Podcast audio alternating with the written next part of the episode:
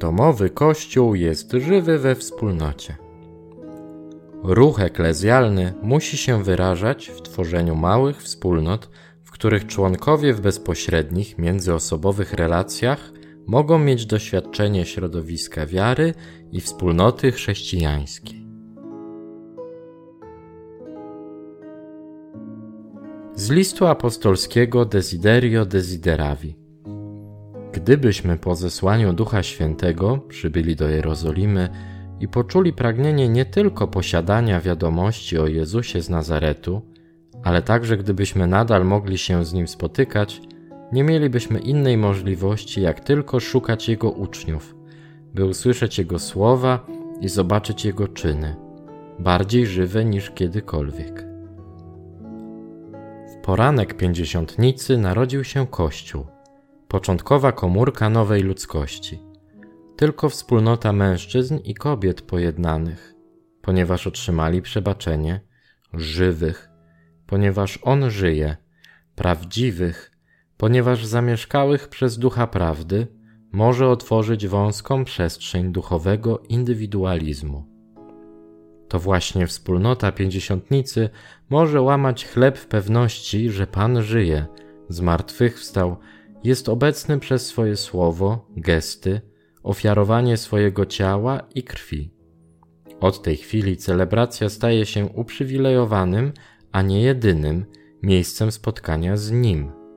Wiemy, że dopiero dzięki temu spotkaniu człowiek staje się w pełni człowiekiem. Tylko Kościół Pięćdziesiątnicy może pojmować człowieka jako osobę otwartą na pełną relację z Bogiem, ze stworzeniem i z braćmi.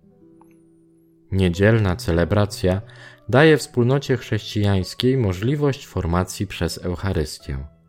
Z niedzieli na niedzielę słowo zmartwychwstałego rozświetla naszą egzystencję, pragnąc dokonywać w nas tego, po co zostało posłane. Z niedzieli na niedzielę komunia z ciałem i krwią Chrystusa chce uczynić również nasze życie ofiarą miłą Ojcu w komunii braterskiej, która staje się dzieleniem się, przyjmowaniem, służbą. Z niedzieli na niedzielę moc łamanego chleba podtrzymuje nas w głoszeniu Ewangelii, w której objawia się autentyczność naszej celebracji.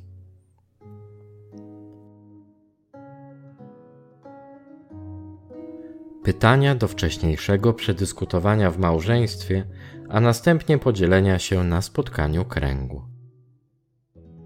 Przypomnijmy sobie szczególne momenty spotkania z Jezusem w historii naszego życia osobistego i małżeńskiego, oddania Mu swojego życia, otrzymania daru przebaczenia, napełnienia Duchem Świętym.